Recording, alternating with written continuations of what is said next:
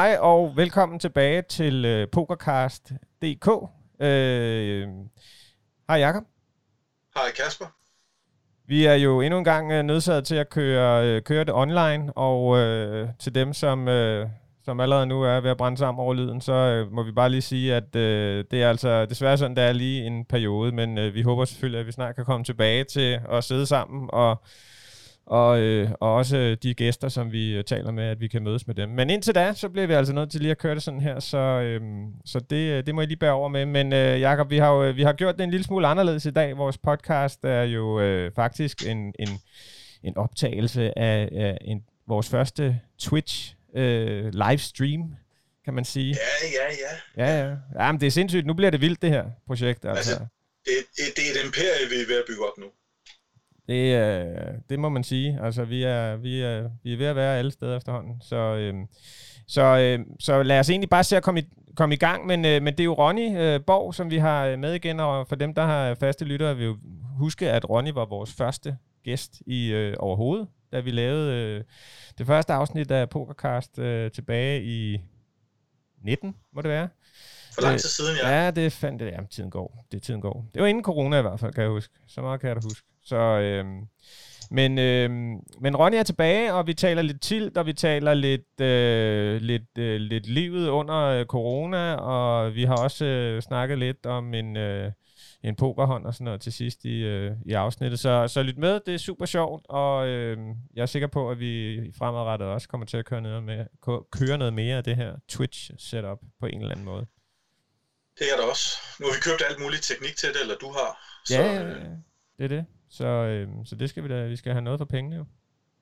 Men øh, lad os se at komme i gang, og øh, så håber vi bare, at øh, vi snart er ude af det her corona, så kan vi mødes live. Mm. Vi er live, Jakob, for første gang på... Øh, for første gang på... Øh, oh, på jeg skal lige mute her. Sorry. ser meget godt ud. Ja, ja, ja. Det ser skide godt ud. Hold nu kæft, altså. Nej, jeg skulle da sætte mit hår, eller? Jeg troede, det var en pod- podcast. Ja, ja det fik vi ikke lige fortalt, Ronny. Undskyld. Nå, men det er jo fedt, uh, Ronny. Vi har øh, for anden gang i... Øh, altså, det er jo sådan lidt øh, full circle nu, kan man sige, fordi at... Øh, du var jo med i den allerførste podcast.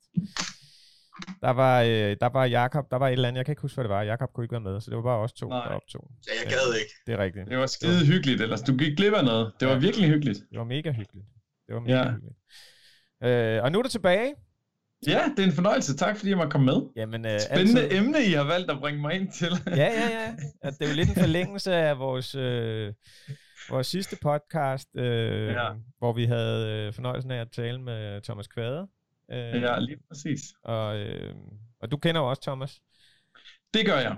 Det gør jeg rigtig, rigtig fin fyr, som jeg kun har gode ting at sige omkring. Han er virkelig en uh, fantastisk fyr, både Altså, han er faktisk mere fantastisk væk fra pokerbådet end ved pokerbådet. Han er ikke verdens bedste pokerspiller, men han har styr på uh, den mentale del af poker. Og nu får jeg sikkert hugge sådan er det jo.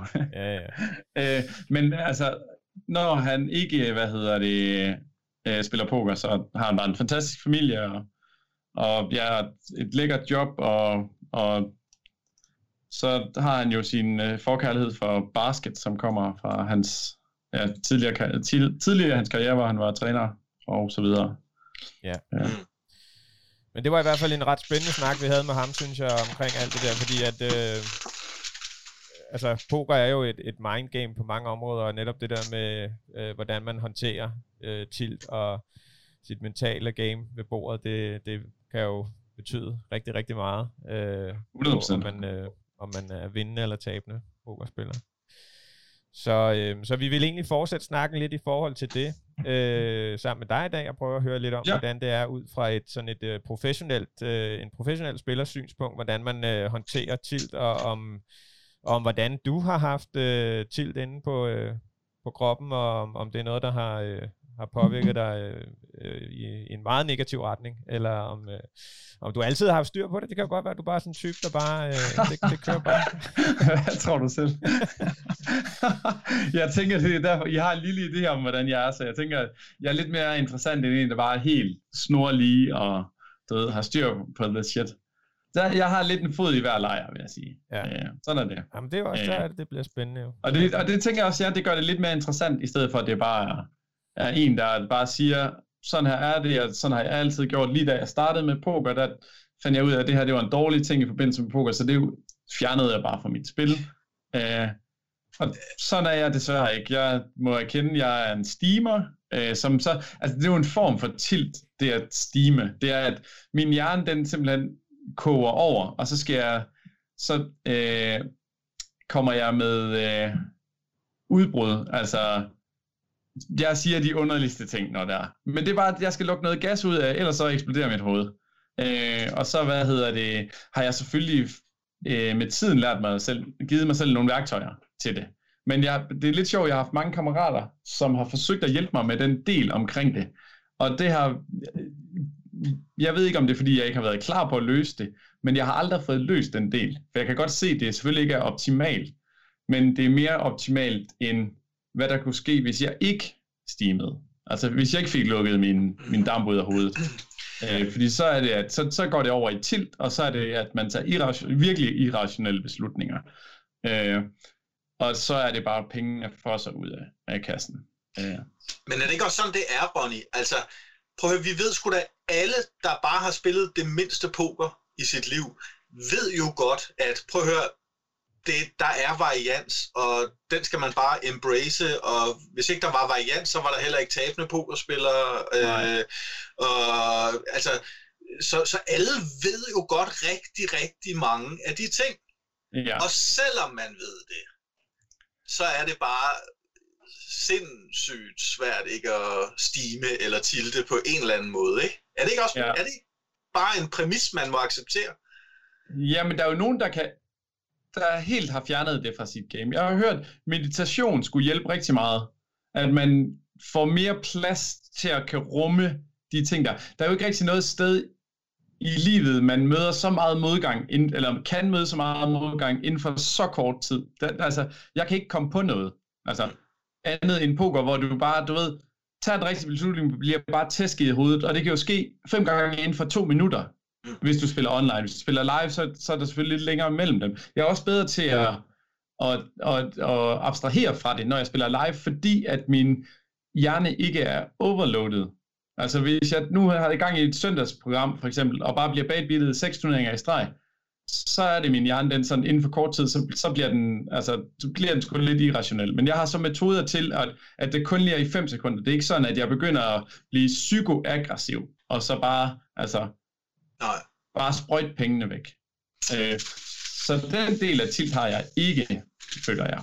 Øh, jeg kan så godt faktisk have en, en anden form for tilt, at, hvad hedder det, øh, jeg ved ikke om begrebet faktisk er tilt, men hvis du nu for eksempel øh, får et kæmpe chip i din turnering, og du føler bare, at alt er rigtigt, at du så på en eller anden måde bliver overmodig. Fordi det er jo også at tage nogle irrationelle beslutninger, fordi det bare det hele kører på skinner. Og, altså jeg ved så ikke, om det faktisk er tilt, men det, jeg ser tilt som at tage irrationelle beslutninger. Ja. Øh, øh, og det, det synes jeg, det er lidt interessant, fordi det kender jeg fra mig selv nogle gange, sådan, åh oh, fuck, det kører bare, du ved, og nu skal jeg bare, du ved, fortsætte i samme gear, i stedet for lige en finger i jorden, som jeg gør, hvis det er sådan, at det går den anden vej. Øh, det, det synes jeg også, det var noget, vi talte med Thomas om i sidste episode, at ja. altså, der findes jo rigtig mange forskellige former for tilt eller frustration i forbindelse med poker. Ikke? Altså, øh, en ting er, hvis man bare abe, aber den helt åndssvagt, og så bare er all in med alle kort, eller ja, hvis, man, ja. hvis man er sådan en som mig, der spiller No Limit 5 eller et eller andet, og så efter tre binds nede, så tænker man, okay, så spiller jeg No Limit 100 lige pludselig, eller jeg ved ikke, hvad jeg skal sige, et eller andet, ikke? Har du gjort altså, det? Ja, det skal jeg vel ikke kunne sige mig fri for, men... Er det rigtigt? men du er så fornuftig. men øh, det er heldigvis nogle år siden, hvad hedder det? Men, men der, er jo også, der er jo også alle mulige andre, som du siger, altså, man kan sige, der er også, der er også nogle, noget omkring noget winners tilt, altså, hvis man er, hvis man er oppe, så er man bange for at miste sit overskud. Og, altså, alle, jeg tror, det er meget rigtigt at tænke på det, at hvis man tilter, så træffer man bare irrationelle beslutninger, og det gælder så både i den enkelte hånd, men også sådan mere, det kan også være mere sådan hele tilgangen, man ja, har ja, til det. det ikke? Og, og, og, og det er jo interessant, Øh, altså begge, begge veje er det, og jeg elsker jo at lære ting om mig selv, og jeg er også godt klar over, hvordan at jeg kan undgå at komme derud, hvor jeg tilter. Men nogle gange så har man ikke selv styr over ens følelser og sådan noget. Og det er jo, altså... Føler sådan er der det jo. Forskel... Jeg, er ikke en, øh, jeg er ikke en maskine, så jeg har følelser. Uh, ja, ja. Desværre. Føler du, der er forskel på, øh, på dit, øh, hvordan du tilter, øh, hvis, altså i forhold til turneringer og, og, og cash for eksempel? Fordi jeg kan, huske, uh. jeg kan ikke huske, hvem det var. Der var en eller anden... Øh, jeg tror faktisk, det var Johnny Vibes, der snakkede om, at han, var, han er jo sådan en typisk cash game spiller, og han, han var så begyndt at spille uh, turnering på et tidspunkt, og han synes, det var ekstremt hårdt at deal med det der med, at du har siddet og spillet måske 3-4 dage, og så bliver du badbeatet på røv og ja. albuer ud lige inden pengene, hvor man kan sige, cash, der kan du jo på en eller anden måde reload selvfølgelig, og så komme ind igen og ligesom prøve at deal ja. med det. Altså, oplever ja. du det? Altså, der jeg er 100% enig. Jeg, altså, det, det er som om, der er et eller andet, der dør inde i mig, hver gang jeg ryger ud af en turnering. Du ved, jeg har offret det her tid på det, og forsøgt at tage de mest optimale beslutninger, og så bliver man bare, du ved, altså væltet. Og så, så er det bare sådan, altså, hvorfor altid mig-agtigt? Det er sådan, altså, øh, men ja, jeg er helt enig. På øh, Cash Game gør ikke det samme med mig, fordi at der kan jeg stoppe, når jeg vil, og jeg kan starte, når jeg vil, og jeg kan fortsætte, hvis det er det, jeg har lyst til. Hvis du spiller turneringer, og har spillet godt og sådan noget, så er det bare slut. Altså ligegyldigt, hvor godt du har spillet, så er det bare slut. Ja. Altså, og, og det, det gør mere ondt, det gør det, og det, det er mere frustrerende for mig øh, øh, at ryge ud af en turnering, end det at tabe et bare ind i poker. Eller i kærskab. Hvad? Ja. Jeg synes jo noget af det sjove, det er, hvis man... Jeg, jeg tror, jeg tror, tilt og det der mentale, de der mentale aspekter, det er noget, der, der vedrører alle, og det er sgu næsten ligegyldigt, om man er professionel pokerspiller, eller om man er fuldstændig nede på hobbyniveau. Altså, så er det bare noget, som... Man kan også være verdens største pokertalent. Hvis ikke du har styr på noget af det mentale, så bliver du heller aldrig til noget, vel? Altså, Nej. det, det er i hvert fald Nej. en tese, jeg synes... Øh, Jamen, det har du fuldstændig ret i. Øh, så altså, man kan sige, hvor er det så... Eller, der, der er mange spørgsmål i det, jeg siger nu, men hvor, hvor ser du fordelen ved så for eksempel at have en mental coach? Hvad er det for nogle værktøjer? Altså, hvordan synes du, man kan gribe det an? Øh, ikke kun set ud fra et professionelt synspunkt, men også for sådan nogle som almindelige hyggespillere. Øh, jamen, altså en, en mental coach er bare en god ting, fordi at man får nogle værktøjer til at, at forbedre sin... Altså, han løser ikke nogen problemer. Han, det Thomas gjorde for mig for eksempel, det var at give mig nogle værktøjer. Se på mig selv udefra, hvad er det, der får mig til at komme herhen? Er det, at, at, altså, igen, der, øh, forberedelse er en, en ting, som øh, Thomas går meget op i for mig. Få nogle rutiner, blive lidt autistisk omkring sin tilgang til, inden jeg starter en session. Fordi at hvis det er på plads, så er der et element mindre, der kan tilte mig-agtigt. Mm. Fordi at det værste, der kan ske, det er, at man ikke er der, hvor man er. Hvis man som hobbyspiller beslutter sig for at gå ned og spille poker, selvom man godt ved, at man burde øh, være hjemme og løse nogle problemer, hvis man havde nogle problemer med kæresten eller et eller andet. Øh, at, altså, man har styr på sit bagland, inden der man sætter sig ned. Fordi at det, så er det sådan en ting, som man ikke altså kroppen er bare i ubalance, og det, det så, altså man, så, så tilter man lettere. Mm. Øh, og man tror måske det er over pokeren, men det er måske en, en sammenblanding af alle de ting, altså alle de følelser, man lægger ind med i kroppen. Altså fordi tilt, det er jo altså, også ubalance i følelsesregistret øh, på en eller anden måde. Øh, men at, altså jeg vil aldrig råde en hobbyspiller til at tage en mental træner, det tænker jeg, eller en mental coach, det tænker jeg, det er noget, man skal tage videre, med mindre man selvfølgelig kan bruge det i sit privatliv, hvilket, altså alle mennesker kan bruge en coach, øh, psykolog eller whatever i deres liv, fordi man kan altid lære nye ting og få nye værktøjer og så videre. Så, men som hobbyspiller vil jeg ikke råde en til at få en mental coach, fordi det ikke er der, man skal fokusere. Med mindre at Altså hvis, fordi hvis man virkelig bare sætter sig ned, sprøjter alle sine penge, så, så, er det ikke, så behøver det ikke at være mentalt. Det er det nok højst sandsynligt ikke. Nej. Øh. Noget, af det, han, noget af det, som et af de konkrete forslag, som Thomas han kom med, det var at have sådan, at have sådan et poker-mantra øh, ja. som jeg tænker du ikke det, Kasper, at øh, det var noget, man det var noget, som han mente sådan generelt, uanset om man var professionel eller hobbyspiller. Altså have en 3, 4, 5, hvad ved jeg, punkter, man sådan lige læste højt for sig selv, eller havde nogle guld post et eller andet, og, og det kan jo være hvad som helst, altså som, ja. øh, lad nu være med at bluffe øh, fisken, og lad nu være med at steppe op, selvom du taber tre binds, eller hvad fanden ved jeg, altså, øh, bruger du så noget?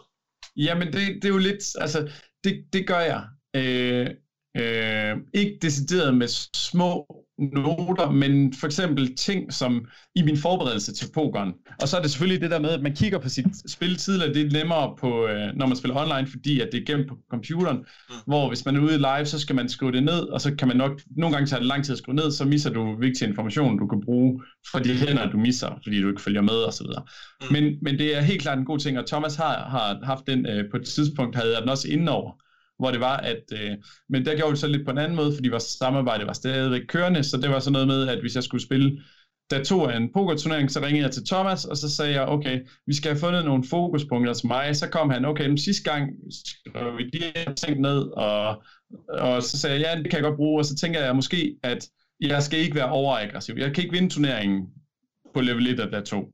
Og så sagde jeg, ah, det er en god idé, skriv den ned, og sådan noget. Så, og så på den måde jo, så bruger jeg det. Jeg bruger det mere live, end jeg gør online. Mm-hmm. Æh, men hvis jeg nu kan se igennem en længere periode, at okay, jeg har 4-bit bluffet for meget, så plejer jeg faktisk at ændre min baggrundsskærm øh, i Windows til at skrive stop med at 4-bit bluffe. Og så bare over hele skærmen, så det bare bliver blæst op i hovedet på mig.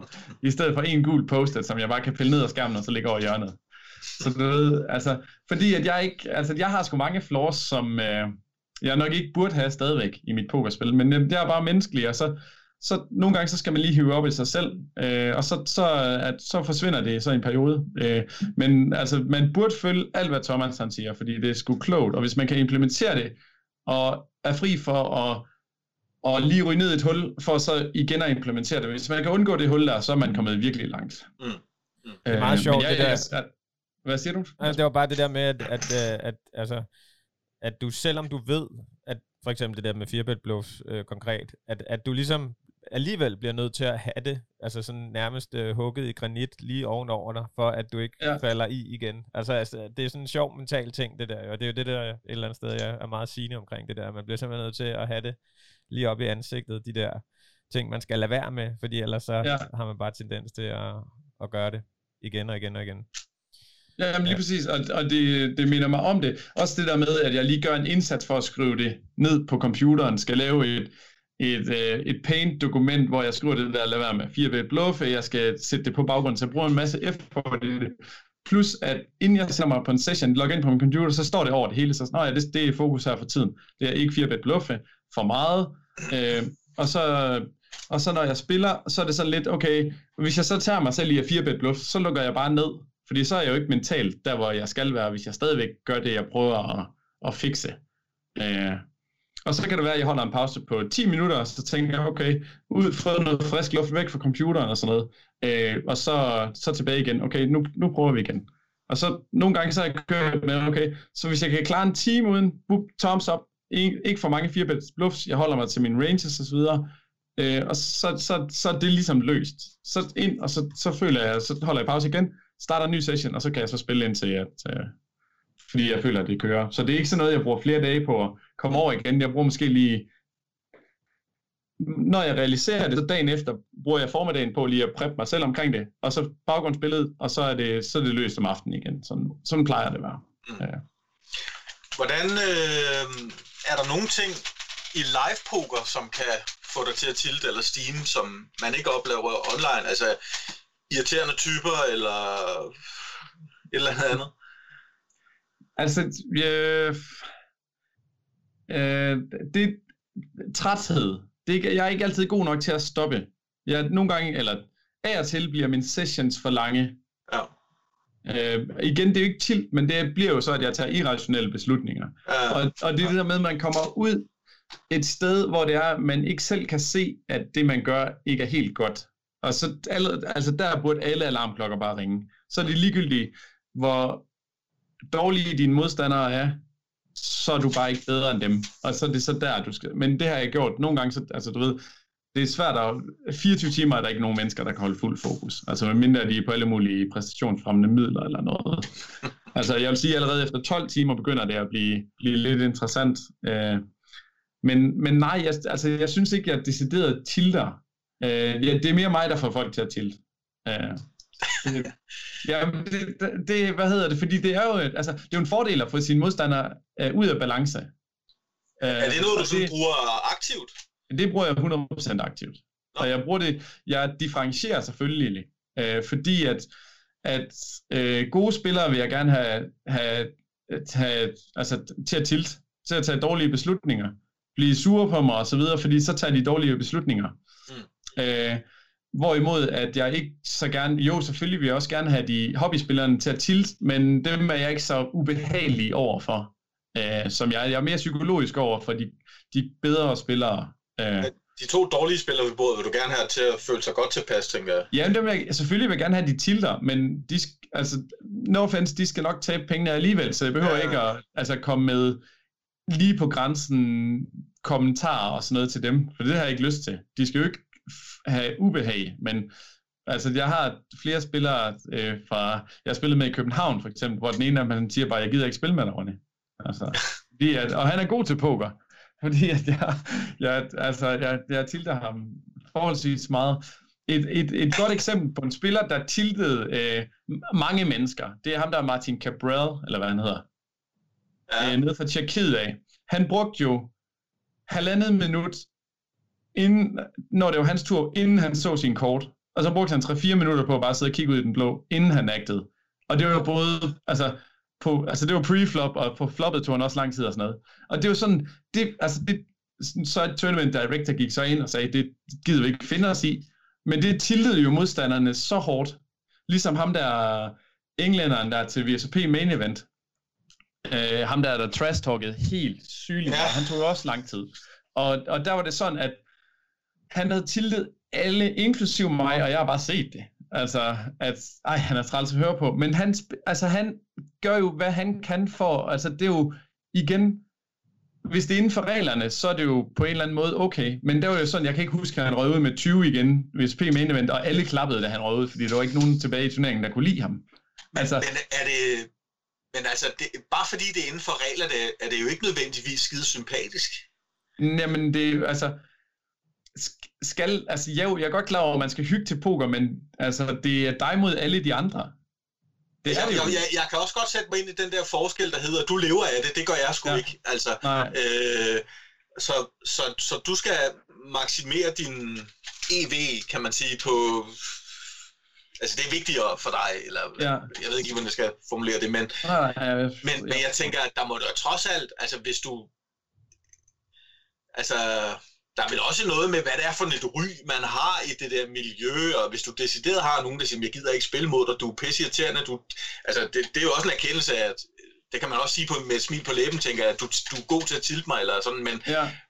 men det er vel også, øh, der er vel også en grænse, altså selvom det er inden for reglerne, jeg mener, man vil vel også gerne være, altså, en rar person at være. ja, men altså, det er jo det, altså, øh, de folk, jeg er lidt grå over for, er ofte folk, som jeg har et personligt forhold til. Ja. Altså, men jeg kunne aldrig for eksempel mod en hobbyspiller, en eller anden direktør, som, en, du ved, som bare er en sød fyr, ham kunne jeg aldrig finde på at gå til på den samme måde som nogle af mine venner for eksempel.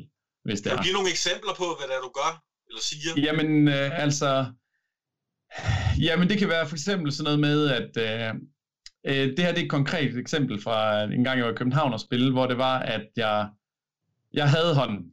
Øh, jeg, jeg havde den. Øh, jeg kan ikke huske det. Jeg tror, det er noget med, at der bliver trebettet pre-flop, og så jeg, der ligger tre ens ude på bordet på river, og jeg har quads. Og min modstander laver et stort fold, øh, men så i spillet, altså da der, så sagde jeg, siger til ham, øh, sådan, så jeg, han siger til mig, at jeg folder stort og sådan noget, og så, hvad hedder det, øh, og så sagde jeg, at jeg havde den ikke, så det var et dårligt fold. Og sådan, nej, du havde den. Jamen, altså, det havde jeg ikke. Jeg havde den ikke, du ved. Altså, bare game face on og sådan noget der. Og så er han sådan, åh, for helvede da. Så lidt senere, så siger han, okay, jeg havde den faktisk. Jeg havde den. Det var godt for Det var godt for Så sådan, skal jeg tro på dig, eller hvad? Nej, for jeg havde den ikke. Du ved, sådan noget der, hvor man bare, du ved, sådan, altså, så han blev bare så irriteret på mig til sidst, at han blev nødt til at rejse sig og forlade spillet. Fordi jeg kom ind under huden, fordi han kunne ikke fokusere på sit eget spil, fordi at han hele tiden havde det der i hovedet. Ja, Okay, det virker så, heller ikke sådan super usympatisk i min verden. Nej, altså, det er ikke sådan Tony nej, altså, det er jo, altså, men det er jo, altså, det er også en, en mild variant, men det, det er det eneste, jeg kan, ja. altså, men jeg, jeg havde en episode her, min kæreste, hun ville gerne lære at spille poker, og så vi spiller om ingenting, men vi blev nødt til at stoppe midt i spillet, fordi at, hvad hedder det, øh, øh, altså, altså hun, blev, hun blev ikke glad. Men øh, øh, jeg bluffer hende, og så har vi en aftale om, at øh, hun må altid se mine kort selvfølgelig, så hun kan lære noget. Og så, så hvad hedder det, så ser hun min kort, og så siger hun, eller så kigger hun sådan på mig, og så siger jeg, ja, jeg bluffede, du skulle ikke have foldet. Og det triggede bare, du ved, hende helt, fordi jeg, jeg kommer med små kommentarer hele tiden, når jeg spiller, som jeg ikke selv tænker over, ja. men som bare er sådan nogle små stikpiller, sådan løbende og sådan noget, fordi jeg, jeg får at vide, jeg, altså, Ludo og sådan noget, jeg er en utrolig dårlig taber, men jeg er en endnu dårligere vinder, altså, og, og det, det, det har også sin indvirkning på pokeren. Øh, men øh, så igen, altså, jeg går til grænsen, når jeg spiller poker, men jeg kunne aldrig finde på at, altså, nej, nej at blive personlig og sige noget om en person, eller altså noget om øh, den, de er. Øh, det er, det er altid noget, noget, det er ikke med... sådan noget Tony G. Øh, Nej, det er ikke sådan noget decideret psykisk terror. Det er bare sådan øh, poker og terror til grænsen og sådan noget. Ja. Hvad med sådan noget slow rolling? Altså, det er jo også noget, der kan tilte mig helt sindssygt, hvis der er... Ja, men det, det, det kan... Igen, igen, jeg vil gøre det mod folk, jeg kender, eller... Så, nogen, jo, nogle gange så er der nogen ved et pokerbord, der irriterer mig så meget. Og så kan jeg også godt finde på at gøre det. Men jeg, igen, jeg, hobbyspillere, de hygger sig med mig. Øh, og jeg giver dem også lige og, og sådan noget. Dem, dem kunne jeg ikke finde på at gøre det mod. Men hvis der sidder en, for eksempel, der sidder en halvgod spiller, som sidder og irriterer alle hobbyspillerne, mm. så skal han bare ud med et brag på røv og albuer. Og hvis et slow roll hjælper på det, så er det sådan, det bliver. Ja. Øh, men ellers, det er jo, altså, igen, altså, jeg går til grænsen, men det jeg er ikke sådan en dårlig stil vil jeg sige. Øh, og et slow roll er bare sådan en generelt dårlig stil. Ja. ja, det er mega, men, altså det, men, men det er jo meget interessant det der med, fordi sidste gang vi talte, Jacob, øh, med Thomas der, der var det jo meget sådan, hvordan man selv arbejder med tilt, men det er jo også et interessant, en interessant vinkel, hvordan man kan bruge tilt som et våben mod andre i virkeligheden, ved ja, at få dem præcis. til at tilte, og så øh, altså, øh, på den måde øh, få skillingerne ud af dem. Øh. Jamen, ja, og sådan er det jo, og det er jo, det er jo begge aspekter, man skal være god til, fordi at det er jo rart at vide, hvad, hvornår du selv, og hvad der får dig selv til at tilte. Øh, og så, det kan du så også bruge, fordi hvis det rammer dig, så rammer det højst sandsynligt også nogle andre pokerspillere, mm. øh, hvis det er. Men igen, man skal, der, der, altså man skal ikke gå efter folk som øh, person eller noget, det skal være noget, altså poker-relateret. Øh. Og så bare snakke en masse, øh, det kan også irritere folk skabe go- god stemning. Ja. Det elsker ah. hobbyspillerne, og så de gode, altså nogle rigs, de gider jo ikke at have det. Uh, de vil bare sidde og grind og tjene deres hourly, og så der skal være ro og orden. Ja. Vi har haft, siden vi startede, udover at vi optager podcast, nu er vi jo live på Twitch. Det er faktisk oh. første gang. Hey. Vi har haft en 8-10 seere, og vi har 8 lige nu, og tak fordi I ser med. Så vil jeg bare lige sige, at hvis I har nogle kommentarer eller nogle spørgsmål, jer der ser med, så, øh, så fyr dem afsted i chatten. Øh, ja, gør det. Så øh, TurboKing.dk, han skrev, var rart at se, at der også var, der var andre, der havde alt muligt lort stående i kontoret, på kontoret. Jeg ved ikke, om han taler til... Jeg ved ikke, hvem er han taler til. Det, det er bare sådan der. Det er nok bare en generel ting. Folk har bare alt muligt lort derhjemme. Ja, øh, ja. Nå, men, men udover det her, Ronny, hvad så? Altså, nu har det været, nu har det været corona-år, og livepokeren er lagt lidt på hylden for alle, skulle jeg til at sige. Ja, det er sørgeligt. Har du grindet max på nettet? Øh, det har været lidt, altså, der har jo været gang i den. Det har jo været pokerboom nummer to, eller hvad de kalder det. Øh, jeg, jeg var ikke en del af det første pokerboom, øh, så jeg ved ikke, jeg forestiller mig, at det første pokerboom, det var over en længere periode end det nuværende pokerboom, fordi at øh, vi er stadigvæk højere op, end vi var for et år siden, øh, men øh, jeg kan godt se, at vi har, den har peaked, og det er lidt på vej ned igen. Der begynder at være lidt overlay i de forskellige turneringer, fordi pokersiderne øh, har overvurderet øh, opbakningen der i øjeblikket, men de har så, førhen var det jo sådan, der var måske fire store øh, måneder på Stars, hvor der var forskellige turneringsserier, og nu har de jo bare kørt uafbrudt, ja. altså i år. med den ene, den anden, en ny, en tredje, en fjerde, og så fem nye også oveni. Så, så, øh, men jo, jeg har spillet meget øh, online, ja. det har jeg. Øh, men jeg glæder mig sindssygt meget. Altså, det var, I går der snakkede jeg med min kammerat om, at jeg, bare, altså, jeg glæder mig bare sygt meget til bare Vejle åbner. Man kan komme ned og se alle mennesker igen, og øh, bare være sammen med mennesker. Altså, øh, høre røverhistorier og sådan noget. Øh, det bliver sgu fan fucking fantastisk, det gør det. Ned og tilt mennesker. Ja, det tror jeg gælder for, for rigtig mange af os. Øh, og så har vi jo stadigvæk en stående aftale om en Vegas-tur på et eller andet tidspunkt, når det kan lade sig gøre. Øh, det skal øh, vi, altså helt sikkert. Vi skal, ja, vi skal samle en ordentlig flok. Ja, lige præcis. Og så, og så alle, alle pokerspillere mødes i Vegas på samme tid, og så får alle pokerspillere corona på samme tid, og så kan de afholde VSOP main event næste år, fordi alle pokerspillere har hvad hedder det, antistofferne i kroppen, og så er der ingen der. Bum, så er det en givet barberet. En fornøjelse. Det er flokimmunitet. Ja, det, det er det lige præcis. Ja, ja. Øh. Snack, han, øh, han spørger, om du stadigvæk er Danmarks mest uheldige pokerspiller. Jamen, nu har jeg jo lige hørt, at øh, Jakob øh, også kan tilt, og det går jeg ud fra, at kun er fordi han faktisk også er ret uheldig. Så jeg tænker, at jeg, efter Jakob er jeg den mest uheldige pokerspiller. Ja, faktisk også nu ved jeg ikke helt med Kasper. Kasper har været meget stille. Jeg ved ikke, om det er fordi, han lige om lidt... Øh, skal ud og kaste op, fordi han er tømmermand, eller fordi at han, øh, eller det er fordi, at han snart kommer med en eller anden bombe Jeg sidder, om, jeg sidder bare og lytter, fordi jeg synes, det er super interessant, men altså, jeg, jeg, jeg, jeg kan sagtens til altså, jeg, jeg kæmpe til nogle gange. Og, øh, gør det det? Ja, det gør Hvordan? Hvordan? Altså, øh, jeg kan, altså, øh, jeg har jo engang, øh, det tror jeg også, jeg fortalte om sidste gang, men det var sådan, da jeg lige var startet med at spille poker, det var den gang, man var helt sikker på, at S-kongen vinder hver gang. Øh, så så der, der fattede man jo bare ikke, at, øh, at det faktisk også godt kunne tabe en gang imellem til en dårlig hånd, men altså, jeg har også smadret en havestol og sådan noget, og en, en computermonitor og sådan noget, fordi jeg bare blev så hissig, at den bare fik en... Øh, er det rigtigt? Ja, så det var, øh, altså, det var sådan lidt dumt, fordi at øh, den turnering, jeg spillede, var sådan en 5 dollars turnering, ikke? og sådan en ny monitor, den koster noget mere end en 5 dollars turnering, så det var sådan lidt, det var lidt håbløst. Men altså, sådan nogle ting er jeg blevet bedre til at deal med, men jeg vil sige, altså, til generelt er bare øh, sådan. Øh, for, for dem, der den, lytter til den podcast. Her, den for i sidste uge. for dem, der lytter til podcasten, der har Ronny lige vist en computerskærm, der ser ud som om, den har fået en på hatten. Den fik, den fik lige et Mike Tyson hug lige duf. Ja. det, min kæreste sagde, at det skulle jeg vise på, på stream. Ja. Der er også øh, altså noget af det, som jeg synes øh, kan være svært, og noget af det, jeg har talt med andre om, og det er sgu ligegyldigt, hvilket niveau man spiller på, tror jeg. Altså det, det, det er også det der med at lade være med at tage sin tage noget negativt med i sit privatliv.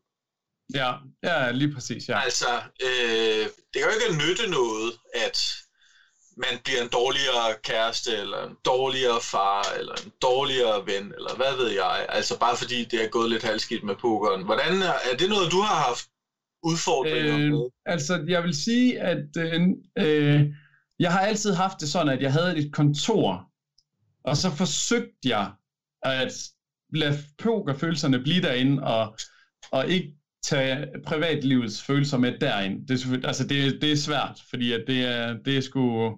Ja, øh, jeg er en følsom fyr. Så det er lidt svært, men, men det har virket for mig, at når jeg var derinde, selvfølgelig hvis man bare er blevet pulet en hel aften i streg, så kan det godt være, at man ikke lige har lyst til at ligge og, og kramme og, og kysse og sådan noget, men lige skal ligge og tænke lidt over, okay, lige bearbejde, hvad der egentlig er sket. Mm. Øh, men det er så også igen, hvis jeg har øh, vundet en turnering eller et eller andet, så, så er det ikke lige, så min mentale tilstand er ikke lige til at ligge og kramme og sådan noget. Og det, øh, min kæreste, det er hun meget forstående over for, omkring og sådan noget. Øh, jeg vil så sige nu, øh, vi er flyttet i lejlighed i Aarhus, og øh, der har jeg et kontor, hvor at jeg lige skal ud og gå lige 10 meter øh, fra mit kontor ind til, øh, til resten af lejligheden, og øh, øh, den friske luft gør rigtig meget. Mm. Øh, det, det, det, det giver lige lidt, og så nogle gange, så, i stedet for at lige gå direkte ind, så tager man lige en dybe vejrtrækning, og lige, du ved, lige, lige tænker lidt over det og sådan noget, så falder man lige lidt ned, fordi man kan godt være helt, helt high på følelser, når det er, man, og det er både, hvis du har vundet eller tabt. Øh, men nogle gange er det svært, og, men hun er god at, at snakke med, hvis det endelig er at komme med noget god feedback. Så det er rigtig vigtigt at have nogen, man kan snakke med om det, hvis det er sådan, at det, det, det påvirker en. Mm. Jeg, jeg går ud fra, at alle, der har spillet poker, har prøvet at tage det med øh, over i privatlivet, og også privatlivet over i pokeren. Altså, og det har gjort begge ting. Altså, øh, Nå, det var også noget, det du startede med at sige i forhold til forberedelsen og sådan noget. Prøv at lade ja, være med at tage, tage det der med, når man så sætter sig ned og, og skal spille en session. Men det andet synes jeg jo bare, altså, mindst lige så vigtigt, ikke? Altså, ja, jamen det er øh, altså 100 procent, 100.000 procent. Så derfor, det kan faktisk, det, jeg har ikke tænkt over det før, men man burde måske også have sådan, ligesom man, efter man, da jeg var lidt yngre og spillede fodbold, man, der havde man nedvarmning efter ja. kampen. Måske skulle man også lave et eller andet ritual efter øh, en session, øh, øh, hvor man, altså, og det er der helt sikkert nogen, der gør, du ved, der lige skriver resultat ned og sådan noget. Jeg er blevet meget bedre til i løbet af session at tag hænder og sådan noget. Men det, er så, der, det kigger jeg så først på efter, fordi når jeg lukker poker ned, vil jeg gerne bare væk fra det. Men der skal jeg måske til at have implementeret en eller anden form for, at jeg lige bruger 10 minutter. Jeg tror så, at nogle gange kan det være utrolig svært, fordi at hvis du spiller cash game, så kan du jo bare lige med det samme og hvis du lige er gået rigtig dybt i en turnering og røget ud, så det der med, at man skal sidde og kigge på noget, man egentlig virkelig hader, fordi sådan, den følelse får jeg lidt en gang imellem, fuck, jeg hader poker. Mm. Så har jeg ikke lyst til, okay, nu skal jeg lige sætte mig ned og være ved, fokuseret og kontrolleret og struktureret, og så lige for... Men måske det vil hjælpe, hvis man havde problemer med at tage det med inden, indenfor. Ja, men nedvarmningen, som du siger, kan jo også være noget andet end lige noget analyse. Altså, det kan være det kan man jo både også bruge som opvarmning måske. Ja, lige præcis. Altså, ja. Ja, det, det kan også det, bare være at løbe en tur, eller...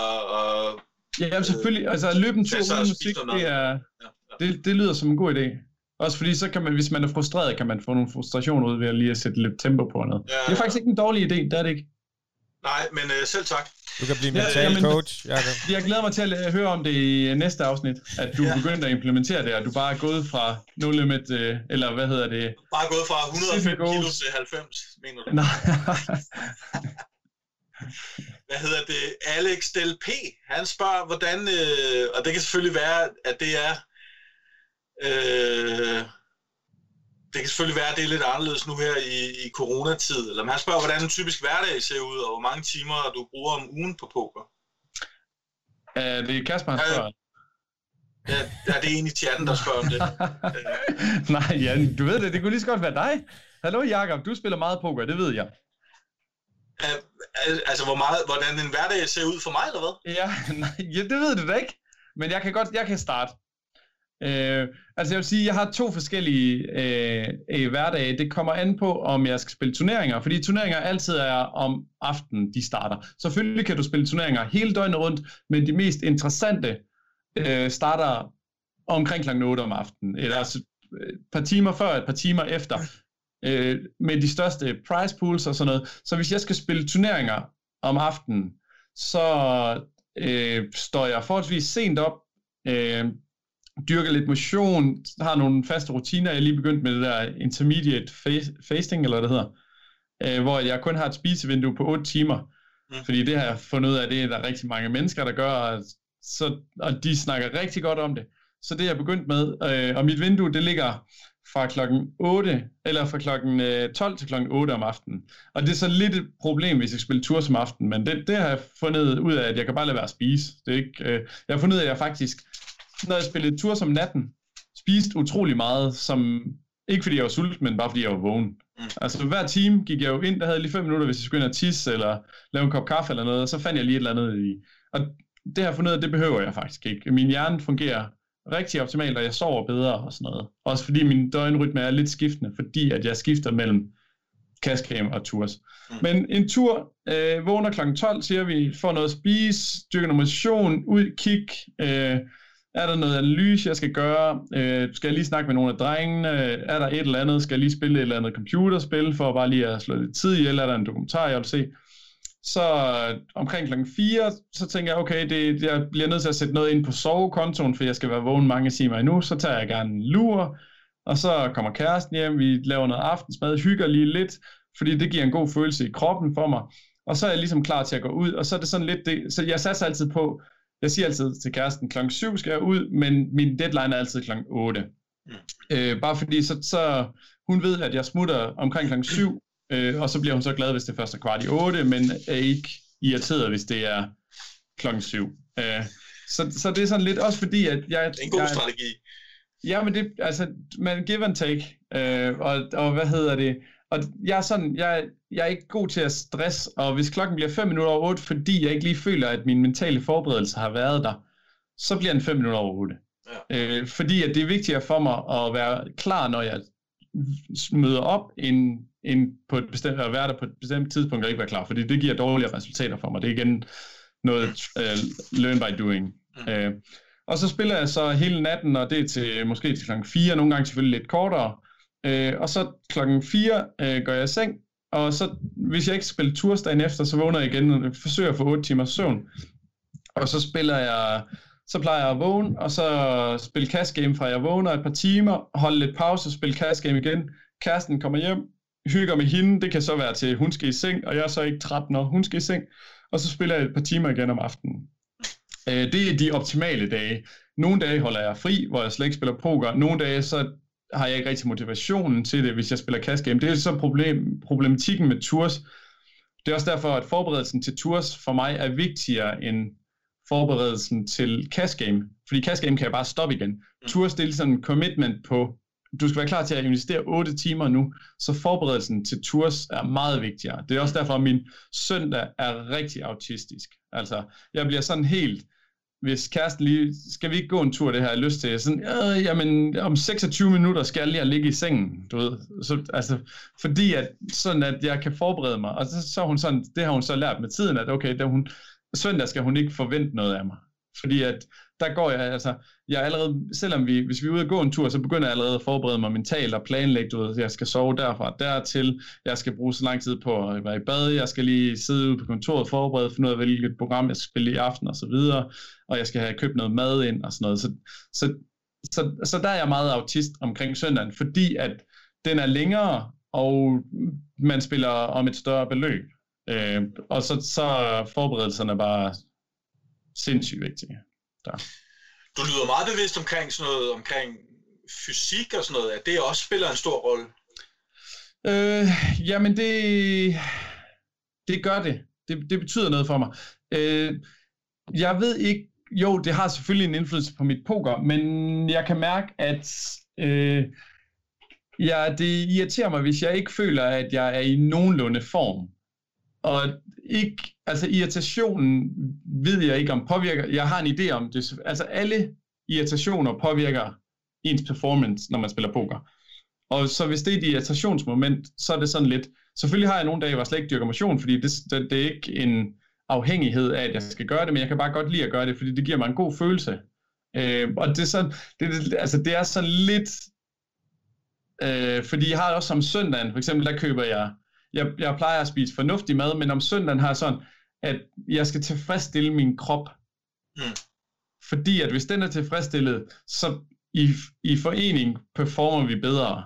Altså, jeg, min hjerne, den skal ikke mangle noget, så der bliver lige købt en Ritter Sport og sådan noget. Ikke, det er ikke sagt, at jeg spiser det, men hvis jeg får lyst til den i løbet af aftenen, så skal det ikke være sådan, at ej, i dag skal du ikke spise Ritter Sport. Ah. Altså, fordi så, jeg kan godt banke mig lidt i hovedet de andre dage, men om søndagen, der er sådan lidt, okay, der skal ikke mangle noget, der skal være styr på det hele. Det er også derfor, jeg altid tager på indkøb og køber alle de... Jeg går rundt i supermarkedet, ved ikke, hvad jeg skal have, men okay, den der kunne jeg måske tænke mig, den der kunne måske... Så ryger det ned i korn, og så har jeg et lager herhjemme af ting, som gør, okay, jeg har lyst til en kop kakao klokken 4 om natten. Fint, så går jeg ud og henter en kop kakao, fordi det her er købt. Eller en kokjo, eller whatever. Så det er sådan lidt, øh, jeg prøver at please mig selv til at performe bedre. Jeg ved ikke, om det er en ting, men... Du, men, men ja. du, bruger, du bruger det lyder som om, du bruger væsentligt flere timer på at spille poker, end på at lave off-table arbejde. Er det rigtigt? Ja, det, min fordeling er ikke så god. Det kan du også spørge Thomas Skræder om. Ja, det har ret. Men øh, jeg, jeg vil sige, det er faktisk et, et fokuspunkt, jeg har haft, og jeg har brugt en del tid i PiuSolver og så videre. Har faktisk en lille, en lille plan om, at jeg skal, hvad hedder det, til at lave noget study på, på Twitch, hvor der er folk, de kan komme med inputs, eller komme med en hånd, for eksempel, de har lyst til, at vi kigger på i samarbejde Det er meget så... sjovt, du siger det, fordi det har vi jo, Kasper og jeg, aftalt, at vi skulle spørge dig om, om ikke vi skulle øh, komme med nogle af vores hænder, og så kunne du få lov til at sidde og tæske os igennem. Jamen det, jamen det vil jeg jo rigtig gerne. Altså det, det synes jeg, det er jo meget interessant, også fordi det er meget lærerigt. Fordi at der er mange, jeg, jeg er rimelig sikker på, at der er mange pokerspillere, der har hørt om solvers, øh, men ikke helt er klar over, hvad det er for en størrelse, hvad det gør, og så videre, og så videre, og så videre. Dem er jeg i hvert fald en af. Ja, Øh, og, og det giver bare, altså det, det er jo bare, en computer fortæller, hvad den vil, den synes er det optimale, og den har lidt mere regnekraft, end du og jeg, vi har til sammen. Ja. Øh, og så, men så er det så igen det der med, det, det er farligt bare at se på en enkelt stående hånd, på et specifikt bord, fordi at det hele handler om he, altså en helhed, i stedet for bare et enkelt hårstrå i, ja, i hele. Ja, ja, ja. Ja. Men derfor vil jeg stadigvæk rigtig gerne gøre det, fordi det kan gøre, at andre de får indblik i, hvad det er, og måske får en interesse for det, og på den måde, fordi det er jo en metode til at selvtræne, kan man sige. Man kan jo lære sig selv at blive en bedre pokerspiller ved at erhverve sig en af de solvers. Eller man kan også, altså solvers er jo en, den nemme måde at blive bedre til poker på, er øh, og se træningsvideoer, se på Twitch og så videre, så er der nogen, der har gjort alt det bagvedliggende arbejde, som at bruge solvers, finde ud af, hvilke åbningsranges og så videre, man skal bruge i hvilke scenarier, hvornår man kan skubbe 20 big lines, hvornår man kan skubbe 15 big lines og, og så videre. Hvor at en solver, at, at den tager sig skridtet et step længere bagud, hvor det er sådan, at du får alt bagvedliggende med. Uh, altså noget, noget af det, jeg synes, der er svært, når man hører folk tale om GTO og, og, og de der ting, det er, at der er selvfølgelig nogle steder, hvor det er 0% du skal race, eller hvad ved jeg, ja, men ja. i mange situationer, der er det jo sådan noget, jamen her, der kan du så check i 35% og check race i 17%, altså alt kan blive sådan lidt, øh, mange ting kan blive sådan lidt, det er faktisk okay-agtigt i øh, en vis procentdel af, af tiden, og så skal man sidde og have noget øh, random number generator og sådan noget, det bliver sgu, øh, men det det er jo enormt spændende, og det er jo, mere op i tiden nu, end det nogensinde har været, tænker jeg. Ja, jamen det bliver også, altså, computere bliver bedre, så det tager ikke så lang tid at lave udregningerne, som det tog en gang. Øh, plus man kan lave cloud øh, servers, et eller andet mix-up, så de kan regne det ud på et sekund. Plus at du kan købe adgang til nogle sider, som har lavet tusindvis af udregninger. Og så kan det godt være, at du sidder med 10-8 suttede i hjerter på et Knægt 9 4 board men de har så knækken i fem boards. Det er jo knækken i tre er måske bedre at sammenligne med, og så kan du så gå ind og se, hvad der var det optimale at gøre der. Ja, ja, men ja, du har ret i det der med, at der er ikke nogen, der kan huske procenterne. Det er også derfor, man, hvad hedder det, simplificerer det tit til et menneske, fordi der er ikke nogen, der, der kan have, altså optimalt er vel også at have fem sizings på, sizingsmuligheder på alle, de fleste boards. Mm. Øh, og det er jo ikke, mange kører kun med tre sizings, eller mm. to endda. Øh, og, og det er jo umuligt, men altså, øh, jeg, jeg, det kunne faktisk være interessant at lave et, øh, et forsøg med, at alle dine actions er baseret ud fra en no, uh, random number generator. Mm. Du har, det eneste du har, det er øh, åbningens ranges fra de forskellige positioner, og så alle actions efter det, det er en random og så inde i hovedet siger du bare, okay, hvis det er over 75, så fire better af den her hånd her. Så det er egentlig lidt dig, der, der altså uden at være helt sikker på, på procenterne. Men jeg, jeg, det, muligvis kunne det faktisk være vindende. Mm. Øh, fordi man har vel altid en idé om, okay, og, og hvis man ikke har en idé, så er det jo nogle gange 50-50, og så er det jo bare, okay, nogle gange skal jeg raise det flop, nogle gange skal jeg ikke, bum. Ja. Fordi der er ikke nogen, der ved, at okay, du skal raise det 38%, du skal check raise til 12%, og du skal, du ved, folde 4% af tiden. Ja, præcis. Ja. De sidste opfølgende spørgsmål, jeg har på det, du fortalte her, det er, hvad er det for nogle computerspil, du spiller, når du skal oh, spille computer? Jeg, jeg er virkelig old school. Uh, jeg havde... Uh, uh, det spil, jeg spiller klart mest, det er Football ja. Det har jeg altid været helt tosset med, og jeg, jeg vandt, uh, hvad hedder det, jeg har lige vundet mesterskabet med Esbjerg her Ja, Det er, altså ikke, at jeg er Esbjerg-fan eller noget, men jeg tænker, jeg skulle lige have en udfordring. Ja, øh, ja, øh, men jeg spiller en del fodbold, men øh, det kan jeg godt lide. Det er totalt chill, og jeg behøver ikke at skal tænke på noget. Øh, så kan jeg godt lide øh, skydespil. Jeg bruger, spiller nogle gange skydespil for øh, inden en session, for at se, om min hjerne er, hvor den skal være.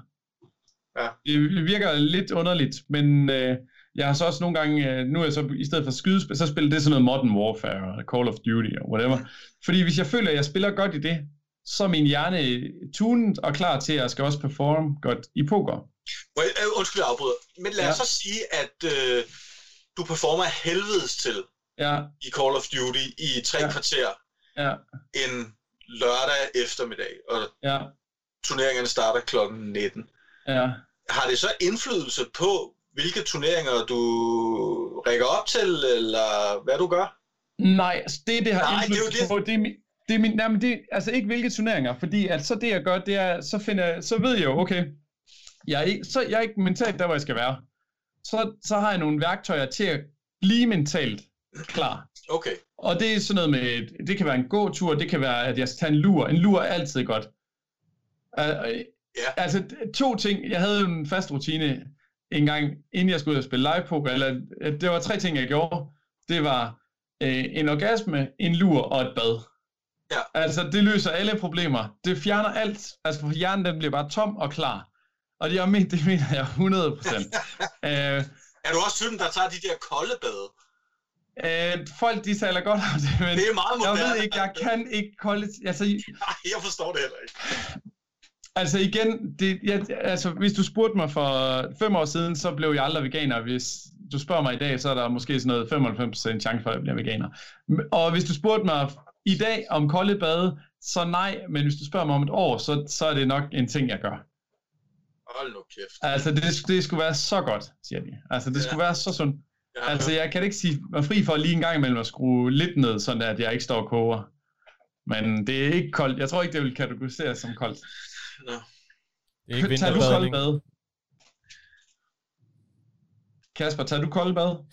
Øh, nej, det vil jeg ikke hvor påstå. Øh, faktisk så, øh, min kone, hun siger altid, at hun bliver nødt til at skrue ned, når hun er i bad efter Hvad? mig, fordi jeg bare øh, nærmest øh, ja, står og koger. Men øh, jeg er faktisk blevet bedre til at skrue ned øh, for, for det varme, fordi det også bare nogle gange kan blive sådan helt, helt for meget.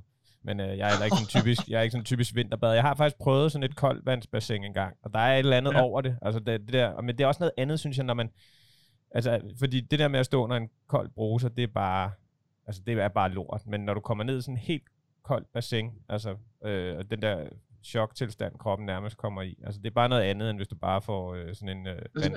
Altså, jeg fornem, forvent, eller fornemmer, at du gik ned i det kolde vand. Ja, ja, det var, sådan et, det var lidt sådan en vinterbadning. Det var bare inde i sådan et... Øh, Ja, altså, altså det synes jeg det er imponerende. Det kan, det kan jeg ikke. Hvis jeg skal vinterbad, så skal jeg springe i. Det skal, altså, jeg kan ikke gå et skridt ad gangen. Det, der er jeg ikke mentalt stærk nok. Altså, der, min hjerne den fryser bare. Ja, jeg, jeg tror også, det var sådan noget, hvor man plumpede sig ned i hurtigt, ikke? Altså, sådan, men, men, ja. øh, men altså, det, det, det er bare, der er et eller andet i det. Jeg, har ikke, jeg er heller ikke vinterbader, altså jeg synes, det er bare, jeg hader koldt vand. Altså, det er bare lort. det er bare lort. Jeg forstår det slet ikke. Det, ja, men, men er I ikke, altså Kasper, du siger det jo selv, at det gør et eller andet ved kroppen. Ja, ja, ja, ja, men sådan er der jo så meget jo. Altså, jeg ved også, altså, det, der er også bare ting, du ved, som man godt ved er godt for en, men øh, så ja, er det bare man ikke hårdt, eller det, godt selv. det gider man ikke, fordi det er bare federe at ligge på sofaen, eller stå under den, stå under den øh, varme hane, øh, end, at, end at skulle, øh, ja, ned sådan noget koldt vand der. Men, øh, men det er meget, altså, nu også, det er også, øh, nu ved jeg ikke, om jeg har set det der korpset på, øh, på, på TV2, med de der, øh, der skal være sådan lidt, øh, det er sådan lidt jægerkorps-agtige øh, ting, de skal igennem. Og det er jo altid bare de der koldvands ting, der bare er lort. Altså, alle hader bare de der, når de skal ligge i koldt vand i en halv time. Og ja, så det, Jamen, der er heller ikke, altså... Hvad skal der til, før du begynder på det, Ronny? Et ordentligt stort propbet imod Alex KP eller sådan noget? Øh, nej, der skulle bare... Altså, øh, jamen, det vil ikke motiv- altså, det vil være en forkert form for motivation. Jeg skulle bare i gang med det, og så indse, at det faktisk er en god ting. Men så vil det, ligesom alt andet, så vil det med tiden måske glide lidt ud, og så skulle jeg lige have en, øh, en lille lussing til at komme tilbage til den gode rytme. Ja, øh. det kender jeg godt. Hvad, jamen, hvad med dig, Jacob? Er du vinterbad eller noget? Nej, er du sindssyg, mand. Jeg var, hold nu kæft, der var, øh, jeg havde det der sit go projekt kørende i, ja. på et tidspunkt. Havde, siger du? Ja, ja, det er stoppet. Nå, øh, okay. Det fyldte simpelthen for meget i mit liv. Øh, ja, men, okay. ja, og det er jo fair nok. Øh, jeg ja, synes, ja. det er fedt, du sprang ud i det. Så fedt. Ja, det var, jeg lærte også helt sindssygt meget, så det var alt er godt. Øhm, men der var nogle af dem, som var i den gruppe der, som jeg talte med, som også var meget på øh, meditation og, og kolde bade, og øh, det lavede vi lidt sjovt med, hvor jeg nogle gange kom til at skrive, når jeg forberedte mig, så havde jeg røget nogle smøg og, og taget et langt bad og sådan noget. Så var det, det var min forberedelse. Du er ligesom ham, der er en kroatisk håndboldspiller, der sad og røg i, i halvlejen. Ja, han var cool nok, faktisk. ja, og det virker jo også. Det kan man se på ham. Han var verdens bedste håndboldspiller. Ja, men du har også altså. lige sagt det. Altså, man skal jo, ens krop skal jo tilfredsstilles. Jamen, det skal du. Og, og det er jo så, så det, at man... Jamen, lige præcis. Altså, sådan er det. det ja. Sådan er det. Altså, 100 procent. Der, der er nogen, der så bruger et koldt bad. Der er nogen, der du ved, ryger en cigaret og står lige og får frisk luft udenfor og sådan noget. Altså, folk er forskellige, og det er jo det, der er fascinerende, at der er forskellige ting, der virker for forskellige mennesker. Øh, ja, jeg ved sgu ikke. Altså, jeg tænker... okay, hvad skulle du til for, at du stopper med at ryge? Et ordentligt prop bet med Alex KP? Øh, altså, det, det ved jeg simpelthen ikke, fordi Ja, det, det kan vi snakke længere om, men altså, jeg, jeg har det lidt sådan, at når mine børn siger, at de er ked af at ryge, så har jeg med svært ved at skulle se, at der var noget som helst økonomi, eller noget som helst andet, der kunne have større betydning for mig. Så det, jeg kan simpelthen ikke svare på, hvad der skal til. Hvis det ikke virker, ikke? Altså, hvad fanden virker Har de så? sagt det, eller? Ja, og, øh, okay. og, og det burde jo være motivation nok i sig selv. Det tror jeg, alle kan blive enige om. Øh, så skal vi prøve det? Så tag, så må, du står med at ryge, jeg må kun tage kolde bade. Jeg har taget varme bad hele mit liv. Så jeg er jo også på en eller anden måde afhængig af varmebad. Jeg holder, jeg holder mig lige ud af det her, kan jeg mærke, fordi om lidt så får jeg en eller anden lorte... Jeg er mere, jeg er mere, altså prøv at jeg vejede 106 kilo i morges, og øh, jeg er mere tændt på at tabe mig 16 kilo. Den, det vedmål tager jeg gerne, hvis vi skal ud i noget der. Jeg vil gerne uh, hjælpe dig. Med at tabe altså, mig? Ikke, jamen, uh, bare komme med råd, fordi folk, de, altså, man behøver, det behøver ikke at være ekstremt, for at man kommer i god form. Altså, øh, Kasper har gjort det, og det, altså, det er jeg virkelig imponeret over, det han har gjort. Altså, det er også han er, det, det er viljestyrke, hvor mit, det er sådan lidt mere, jeg føler, at det er lidt mere, alle kan gøre det, jeg gør. Altså, fordi jeg, det er ikke meget, jeg gør for, men jeg har bare mine små faste rutiner med ting, jeg gør. Du ved, tage nogle armbøjninger, og starte med at gå en tur hver dag. Bum. Øh, 10.000 skridt om dagen, bum. Og sådan noget.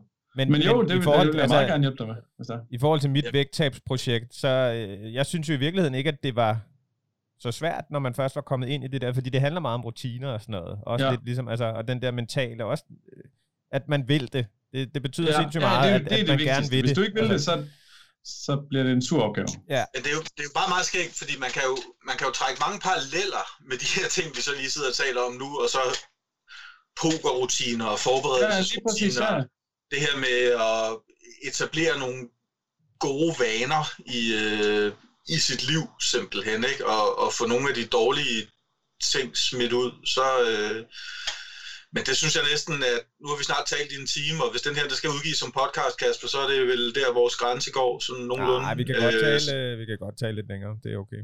Vi, øh... Men så, så har folk sidste chance for, øh, for at smide spørgsmål i chatten, vil jeg sige. Hvad, Ronny, hvad, hvad, hvad er planerne? Hvad, hvad er det første, du skal, når vi kan komme ud og rejse? Øh, jeg skal ind på en natklub, og så skal jeg snakke med fulde mennesker, der på ingen måde har samme holdninger, som jeg har. Jeg skal bare ud og have indtryk og inputs fra mennesker, og, og stå og fulde snak, og smile til pigerne, og smile til drengene, og bare danse og skabe mig tosset. Altså, jeg glæder mig så meget. Altså, det bliver så fedt. Men hvis det var poker, du hentede okay. til, så, Nej, det var, var det så skal jeg, hvad hedder det, altså i første omgang skal jeg bare til Vejle. Jeg, glæder, jeg skal bare ud og snakke med nogle mennesker. Altså, ja. øh, det, det glæder jeg mig bare til. Altså, jeg glæder mig til, at øh, caféerne åbner, og man kan gå ned igennem byen og høre lidt, øh, lidt liv og glade dage. Altså, det, det, jeg, det savner jeg sgu bare. Ja. Det er sindssygt livsbekræftende og, og halvkedeligt. Men øh, det, det er sgu en af de ting, jeg, jeg savner allermest. Altså faktisk det der med at skal snakke med mennesker, som man ikke rigtig har de samme holdninger med. Fordi at man omgås de samme personer i øjeblikket, altså det gør jeg i hvert fald her i coronaen, og jeg, i og med at jeg ikke har en arbejdsplads, hvor jeg møder alle mulige tilfældige mennesker, så er det meget af de samme mennesker, og deres holdninger kender jeg jo. Øh, så, så jeg glæder mig bare til, at jeg skal stå og diskutere med en eller anden stiv stræder om et eller andet totalt ligegyldigt, som vi aldrig nogensinde bliver enige om alligevel, men bare, du ved, står og hygger sig. Det bliver fantastisk. Jeg synes, jeg har mange Facebook-venner i, øh, i den her tid, som heller ikke har de helt samme holdninger, som, som jeg ja. har. Men, men det, det, der irriterer mig aller, allermest i øjeblikket, det er, at tingene altid, de, de, de bliver sådan meget sort-hvide i øjeblikket. Ja, det er ikke? super polariseret. Det er ikke, ja, der er ikke helt, noget meget imellem. Det er der altså ikke, og, og det kan jeg ikke rumme. Altså, det, det, det er faktisk, jeg tror faktisk, det er meget, meget få ting, der er sort-hvide i den her verden. Om ja. det så er, om man skal check race, eller bare dunk bit. Altså, det, det er jo heller ikke altid bare sort-hvidt, vel? Jamen, øh, altså, poker er aldrig sort merits for, for, for, for, for flere forskellige ting. Ja. Men det er jo det, det er sjovt, man kan drage mange paralleller til pokeren med alt i livet, faktisk. Det er jo det, der er sjovt. Udover alle de bad beats, man får i poker, dem kan man ikke finde noget sted i livet, hvor de kommer så hurtigt. Det, det håber jeg ikke, der er nogen mennesker, der op, oplever så mange bad beats i livet, fordi så... Fuck, en omgang, man, altså. Eller... Men hvad med, hvad med dig, Kasper? Hvad er det første, du skal, når at øh, hele herligheden åbner igen? Øh, jeg tror, jeg skal være sammen med en masse venner, også til noget fest eller et eller andet, der skal arrangeres et eller andet. Altså, det er sådan, jeg synes, det der sociale liv, der, det er bare... Øh, altså, det, man finder virkelig ud af, hvor meget det betyder at, at se mennesker, øh, og være sammen med mennesker, og, og kunne, ja, som du siger, stå og snakke om alt muligt åndssvagt, eller øh, ja, ting, man ikke er øh, enig i. Øh, og så, ja, bare ud og opleve liv igen. Altså, jeg tror, en af de ting, der bekymrer mig allermest i det her, det er også sådan lidt det der øh, den der samfundsmæssige økonomiske ting, altså hvor der bare er så mange øh, virksomheder og sådan noget, som, øh, som er, er på grænsen til at gå på røven. Altså jeg glæder mig virkelig til, at der kommer liv i det der igen, og man ligesom kan sige, okay, nu er der noget nu, nu, nu kommer der gang i julen igen. Altså det, øh, jeg, jeg, jeg, jeg kan godt blive virkelig bekymret over det der. Øh, så øh, jeg har også sagt til min kone, når hun handler på nettet, så er det faktisk øh, at udvise samfundssind, hver gang hun køber noget. Og, og det, øh, det synes jeg, man skal gøre i de her tider. Altså prøve at støtte de der mennesker. som, øh, det må du altså ikke sige til Bridge Queen, siger jeg bare. Nej, det kan være, hun lytter med. ja, det kan faktisk godt være. Men altså, jeg glæder mig også bare til, ja, altså nu, hvis man ser sådan en pokersammenhæng, altså også, øh, ja, komme ud og, og spille, øh, spille nogle turneringer, og det der med at sidde øh, sammen med en, med en masse mennesker, der har den samme interesse. Jeg tror også godt, de kan stille et ekstra bord op over i Vejle, altså i forhold til øh, tilmelding. Ja, der så bliver, der bliver, altså med det samme det bliver åbent, så er der jo bare udsolgt, altså. Ja, det bliver, altså alle sidder klar. Det ja. bliver fedt. Hvad med, hvad med dig, Jacob? Hvad glæder du dig til? Jeg glæder mig til at komme ud og spille bridge. Gør du det? Ja, det gør jeg. Og øh, så glæder jeg mig til at komme til London med min datter, og så glæder jeg mig sindssygt meget til den Vegas-tur, som jeg har tænkt mig at arrangere med alle dem fra Pokernet og alle mulige andre steder, vi kender nogen. Sådan, så det bare bliver sådan en... Mm, vi bare er 50, altså, vi bare er 50 mennesker, der bare kan mødes til en eller anden turnering et eller andet sted i Vegas sammen og tage ud og spise. Og... Altså, jeg elsker dit øh, engagement og dine følelser. Inden, inden vi startede med at streame, der var du på 25 nu her, fordi du er kommet i så godt humør i løbet af den her samtale. Ja, ja, det nu er det bare 50, det er bare helt op. Altså, jeg elsker det. Det er din skyld. apropos, apropos Vegas og VSOP, øh, tænker I, at det bliver til noget i år? Altså andet Nej. end sådan et online arrangement? Nej, Altså det, ja, men man skal aldrig sige aldrig, men det er bare umuligt for internationale spillere at komme derover, så det bliver et underligt VSOP. Jeg kunne godt forestille mig, at de faktisk, nu, nu når jeg lige tænker lidt over det, afholder det, øh, fordi amerikanere stadigvæk vil støtte ekstremt meget op omkring det, og de har jo stadigvæk et brand, de skal holde ved lige, og jeg, mit indtryk er, at Vegas er åben, men der er selvfølgelig restriktioner, og at så vidt jeg lige husker, så er det noget med, at de har sådan nogle plexiglasruder imellem hver spiller og det. Ja, det er ikke så charmerende. Øh, det er ikke så charmerende. Selvfølgelig kommer der ikke til at være så mange events, der kommer ikke til at være så stor opbakning, øh, men det gør så nok også, at det er nemmere at komme til at afholde efter øh, reglerne, eller hvad man skal sige, retningslinjerne der. Øh, så, så mit bud er, at det kunne godt ske. Altså, der er så ikke meldt noget ud, og vi har Ah, det er jo så først om det er maj, april, maj, juni. Ah, det er om tre måneder, at det skal starte. Jeg, jeg synes, jeg hørte i den der øh, øh, Daniel Negranos øh, podcast her øh, fra den her uge, tror jeg, at de snakker om, at det bliver rykket, altså til øh, senere på året, ikke? Sådan noget øh, okay. oktober, ja. november måned eller sådan noget, fordi der regner de jo med, at de fleste er vaccineret, og, og tingene sådan, øh, er sådan... Så kan det være, at vi kan komme afsted. Ja. Ja, det er ikke umuligt. Men, er der øh, nogen af jer, der er blevet vaccineret? Nej, nej, nej. Jeg har haft nej. det til gengæld. Jeg havde corona. Har du haft corona? Ja, ja, ja.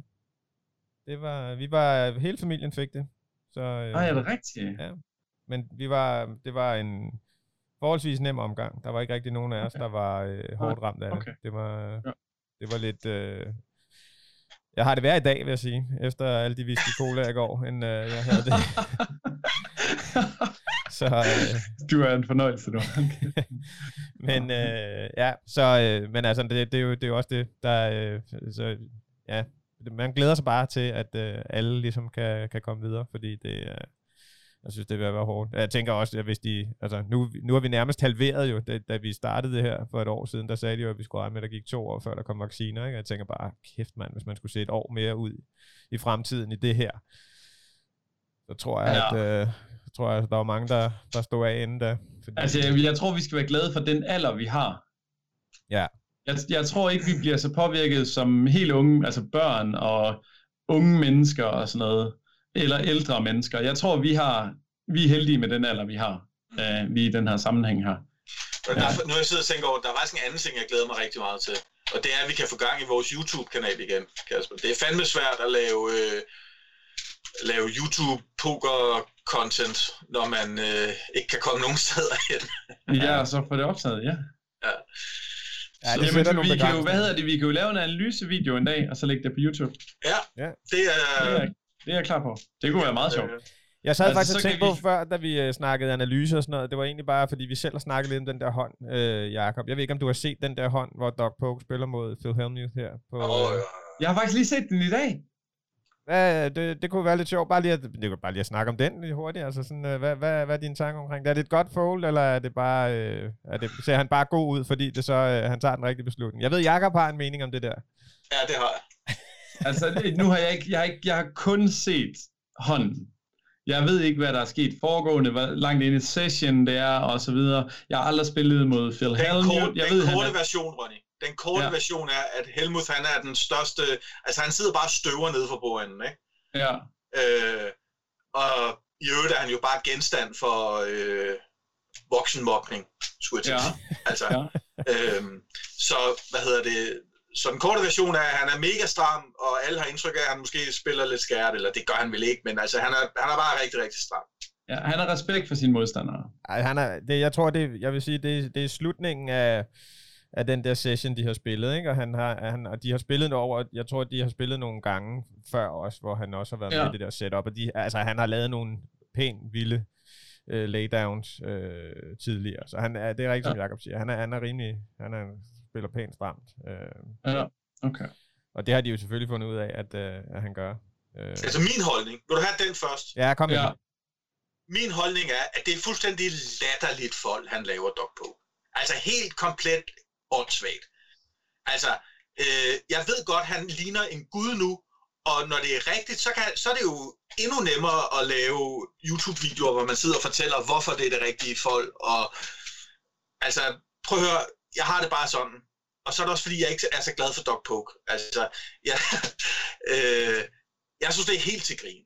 Altså, at folde 10-7. Altså, at, at jeg har kun set hånden, ja, og så stram som han er, så øh, hvad hedder det? Altså, altså det er S10 fra. S10 fra. Dame 10, ikke? Ja, jo, men hvis han nu har S10 spar, det er vel det eneste bluff, han kan have i scenariet. Jamen, han, han, hvad hvis han har topset? Jamen, den tror jeg ikke, han hakker, floppet. Nej, det gør han ikke. Altså, det, og, det, og det kan jeg godt forstå, jeg kan godt forstå pointen i det, men, men, men hvorfor skulle Helmut, når han er så stram, som han er, lige pludselig race preflop med dame 10? Suited? Jamen, sad han ikke på et eller andet late position, eller hvad? Jo, jo men alligevel er det vel... Ja, altså, men Helmut var det ikke suited, var han? Altså, jeg har ikke set den så meget hånden, kan du godt høre. Var hånden suited? Øh, det kan jeg simpelthen ikke huske, om det var Damsey suited eller off. Men, altså, jeg synes bare... Nu kommer, han, nu kommer Doc Poke til at ligne en gud, og han ja. kan sidde og fortælle om, hvor soul... Altså, han bare læser ham som en åben bog nærmest, og det er kun Dame 10, han vælger at jamme der og sådan noget. Altså, jeg synes bare, det er plat. Men han gør det jo faktisk, altså han gør det jo, mens de spiller hånden, der sidder han jo også sådan, øh, og snakker øh, omkring hans tanker. Altså, øh, så så det, man kan sige, at han kan selvfølgelig godt sidde efter og rationalisere og se endnu bedre ud, men han gør det jo faktisk også, mens de spiller, og altså, ja, han, øh, jeg ved ikke om han, det, det, det, han bruger vel også lidt, øh, altså han, han taler jo også til Phil Hellmuth, som så også begynder selv at, at snakke og sådan noget, og det samler han sikkert også op på. Uh, han skulle nok bare holde sin kæft, kæft uh, Phil Hellmuth i virkeligheden, uh, i forhold til, om, om han ligesom giver nogle tells væk, eller hvad ved jeg, men, men altså... Rune skriver, det er damn 10 offsuit. Men... Ja, det kan jeg godt se her. Er der nogen, der kan huske positionerne, hvor de sidder og sådan noget? Men det, igen, det, det er meget, meget svært. Jeg kan bare huske, der er to spar ude på bordet. Ja. Øh, og... Altså det Doc Poke, han siger på et tidspunkt, det er jo, at enten så har han øh, Rune skriver, at øh, Helmut racer for mellemposition, ja, eller ja. måske cut-off, jeg ved det ikke. Ja. Men, men enten, altså enten siger han, så har han dame 10, og så har han bare drawing dead nærmest, eller også så har Helmut så meget equity imod ham. Ja. Og det ja. kunne jo være ST spar, eller ja. et sæt, eller jeg ved det ikke. Altså, så kan man så diskutere, om han jammer et sæt der, eller hvad han gør, men, men altså, jeg synes bare... Ja. Men, men spørgsmålet er vel også, altså, det, fordi det er jo selvfølgelig specifikt Helmuth, han folder den hånd til. Altså, hvis det nu havde været en af de andre ved bordet, som ikke, altså, hvad er det, han hedder, ham der Solomon der, som jo indimellem også bare ja, ja, nogle vilde ting, altså, ja. så havde han måske kaldt ham, altså, men det er jo, altså, han har jo et eller andet på Phil Helmuth, som gør, at han, han tænker, at, at det, det virker mærkeligt, at han... Jeg er helt sikker på, at han ikke folder mod nogen andre. Ja, ja. Altså, så, så der er, altså han har, så kan du snakke om Soul Read og sådan noget, men, men han har jo, han har jo samlet op på, øh, på nogle af de ting. Problematikken er bare, at jeg er biased, fordi at jeg ved, altså jeg har set afkommet. Ja. Øh, og, ja, det er jo og det. det er jo, så det er svært. Nu kan jeg jo komme til at lyde som Doc Polk, og så sige, jamen jeg folder også hver gang. Åh, oh, fuck du er sej, Ronny. Ah, yeah, king of the world. Men, øh, men det ved jeg sgu ikke, at det skal fucking være en stram spiller. Altså, jeg kan, ikke, jeg kan ikke se... Jeg er svært ved at se det. Men så igen, han laver et... Man må så give ham kredit for, at, hvad hedder det... Øh, for at han øh, tager en dårlig beslutning preflop, og får den løst optimalt efter floppet. Øh, og det ved jeg ikke. Og, øh, jeg så, øh, den jeg så, det var nogen, der forsøgte at lave noget solver på den, og det var sådan noget, det var altid et folk med øh, 10-7 øh, offsuit på floppet. Øh, og det undrer mig lidt, fordi jeg tror, hvis, det nu, men hvis jeg havde sparet 10, så tror jeg altid, jeg ville kalde for eksempel.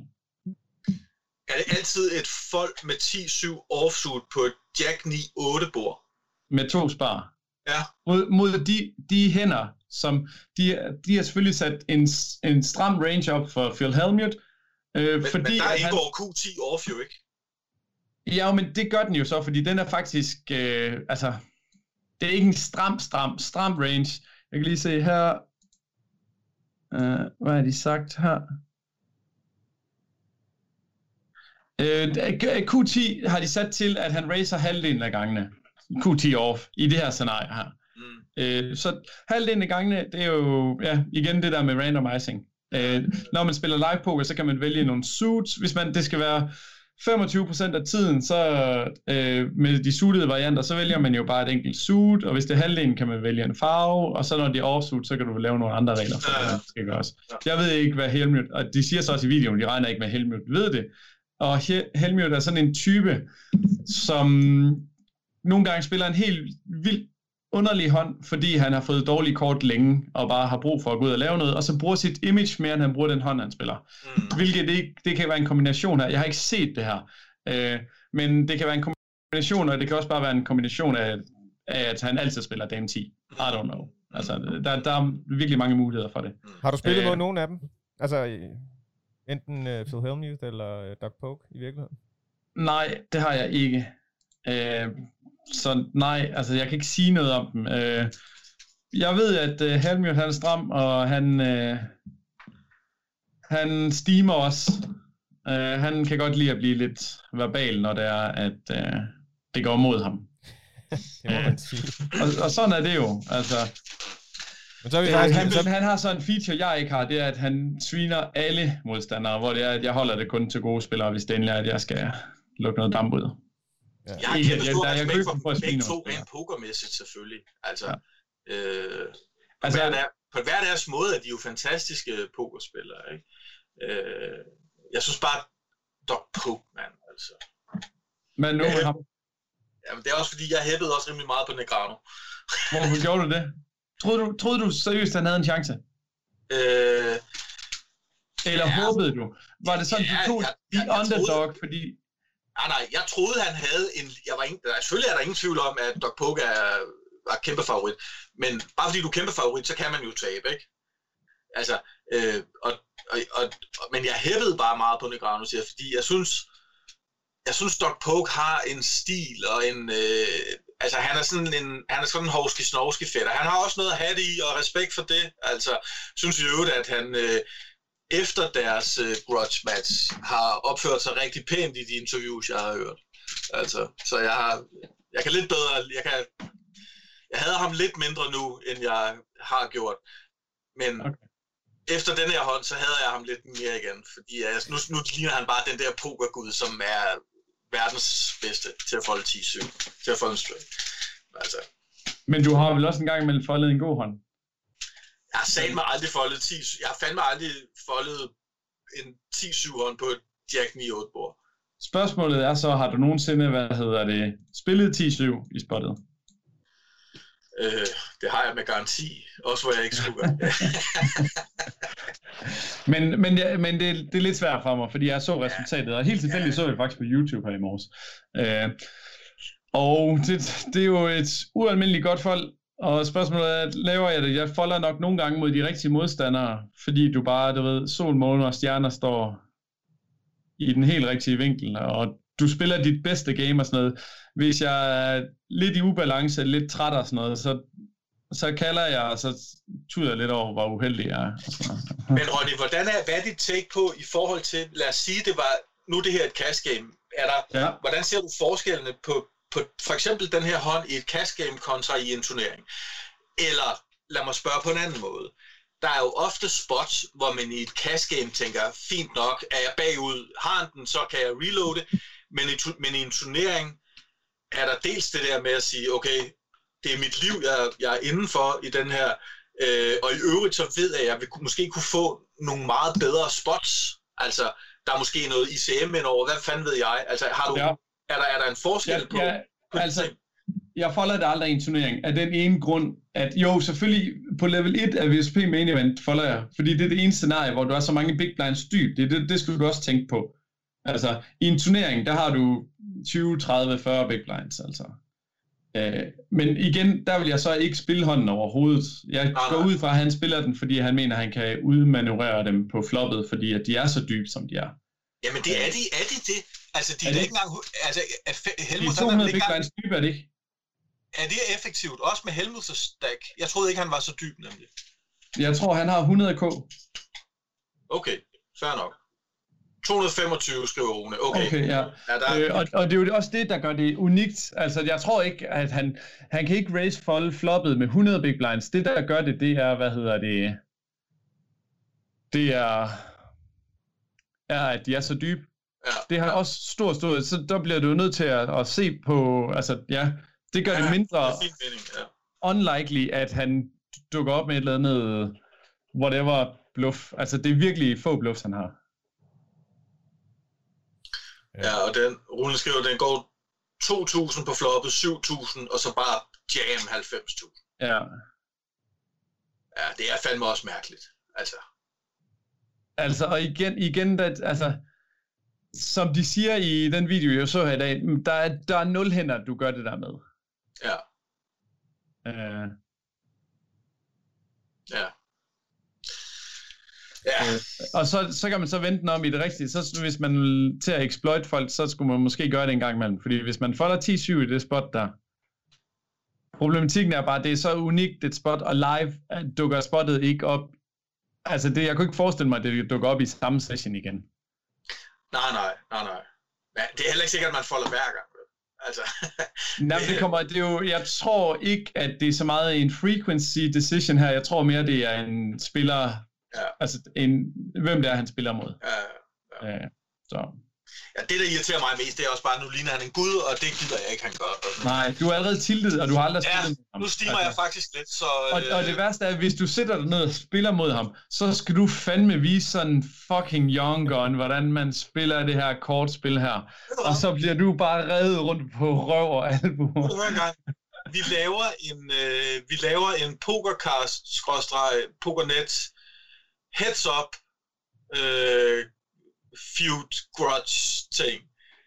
Og så kan jeg så klæde mig ud som Doc Polk, eller hvad? Så kan folk fandme komme ind og spille imod mig, du. Heads up, og øh, kører vi et eller andet lidt... Ja. Og det er ikke noget, vi skal finansiere i samme, øh, altså sådan sammen, det der projekt. Det... så er det for firmakonto. Okay, super. Jamen det er da bare skrive til ham på Twitter. Jamen, jeg gider I, ikke... I think you're being a prick. I really dislike you. we have this huge Danish poker cast. Uh, you offer a grudge match. Tro mig, der er også nogen inde på Pokernet, der, øh, der synes det samme om mig, som du lige har beskrevet der. Så de vil helt sikkert komme øh, ind og så spille uh, No Limit 2 heads up imod mig. Jamen, det, vi kan godt gøre det en dag. Det er faktisk meget sjovt. Vi kan gøre det på den her Twitch-kanal, hvis det er. Det altså, gør vi. Fordi det, er du frisk? Ja, det kan vi godt gøre. Så kan vi få arrangeret noget med, at øh, at vi, de kan se alle vores kort, og så bliver der selvfølgelig en eller anden form, eller det er vel lidt lige meget. Fordi hvis vi bare, vi, jeg tænker, hvis vi spiller med et lille beløb, og begge to er gentlemans, at der er så ikke nogen, der kigger i andens kort. Fordi man kan godt få det sat op sådan, at de kan se både dine kort og mine kort på det. Det, det er lidt teknisk, men det kan vi godt gøre sådan, at de kan følge med 100%. Ja, det kunne være sjovt. Det har jeg set. Hvem var det? Var det... Øh var det, øh, hvad hedder han nu, ham der, der skrev øh, Die with Zero? Øh, Hvem? Åh, oh, hvad nu han hedder. Eller var det, jeg kan ikke huske, hvem det var. Det kørte også på YouTube på et tidspunkt, hvor de sad og spillede, måske var det, jo, det var da øh, ham fra Run It Once. Øh, Bill Perkins. Ja, Bill Perkins, og hvad hedder han, øh, ham, fra, ham der lavede Run Once, hvad nu han hedder. Verdens bedste PLO-gut. Galfond. Galfond, ja. De spillede der vist nok. Jeg kan godt lide Kasper og jeg, vi var helt blanke. øh, Phil Galfond selvfølgelig. De, de spillede også, hvor de så, tror jeg nærmest begge to sad og talte. Jamen lige præcis, det er det, jeg så... tænker, det kan vi jo gøre. Det får vi sat op. Jamen, det skal vi have gjort. Og så kan vi jo inddrage noget med Pokernet, sådan at man, hvad hedder det, kan udfordre ham, der har titlen, sådan at man også inddrager Pokernet i det. Og så bliver det måske øh, et bord eller to bord heads up på en team, og så vinder, altså jeg ved godt, det er selvfølgelig, at varians bliver en stor, stor udfordring der, men, men det kunne da være meget sjovt. Ja, ved du hvad, det ja. snakker vi lige om. Det får vi ja, lige sat op. Det får vi gang ja. kører vi... Uh, jeg elsker det her. Heads up feud grudge ting. Ja. ja. Så kan I lige svine hinanden lidt på nettet inden, så der bliver sådan lidt... Uh... 25.000 hænder. Ja. Ja, hold med. Åh, Jakob, dit ryger svin, mand. Føj.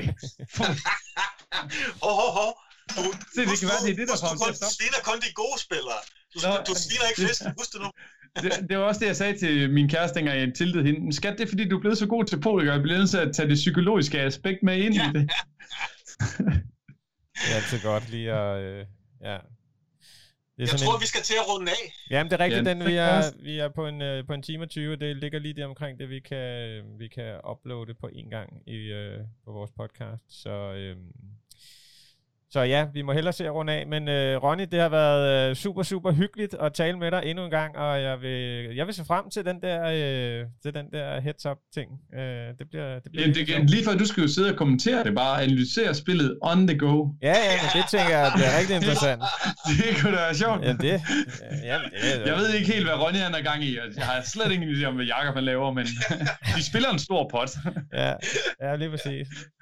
Ja, det bliver, øh, det bliver helt sikkert øh, et tilløbsstykke. Øh, det, det er jeg helt sikker på. Men øh, ja, det, det, skal vi have, det skal vi have styr på. Vi snakkede faktisk også lige øh, på et tidspunkt om, øh, da vi, det var da vi talte med Pernille Ravn om, øh, når der kommer gang ind igen, at vi vil lave sådan en, øh, en pokercast-turnering øh, med alle dem, vi har interviewet gennem øh, tiden. Ja, og så lave sådan en, øh, det, kunne være, det kunne være hyggeligt. Ja, der regner vi også med, at du stiller op, Ronny. Selvfølgelig. Altså, jeg går ud fra, at jeg må multi-account i og med, at jeg har været med to gange. Præcis. Ja, så du får to stole. Ja, eller to, to stacks. Dobbelt stack. Ja. Oh, ja. Ja, ja. det er jo incitament til, at andre, de uh, møder op to gange i Du har ret. Det er rigtigt. Du har ret. Det er rigtigt. Skide godt. Jamen, øh, ja. tak, for, øh, tak for i dag, og tak for øh, dem, der har kigget med og spørgsmål. Og, og øh, ja, så, øh, så håber jeg, at øh, vi snart får det der projekt op at køre. Ja, fornøjelse. Tak fordi jeg var være med, drenge. Hils familierne. Altid. I lige måde. Vicês! Vicês!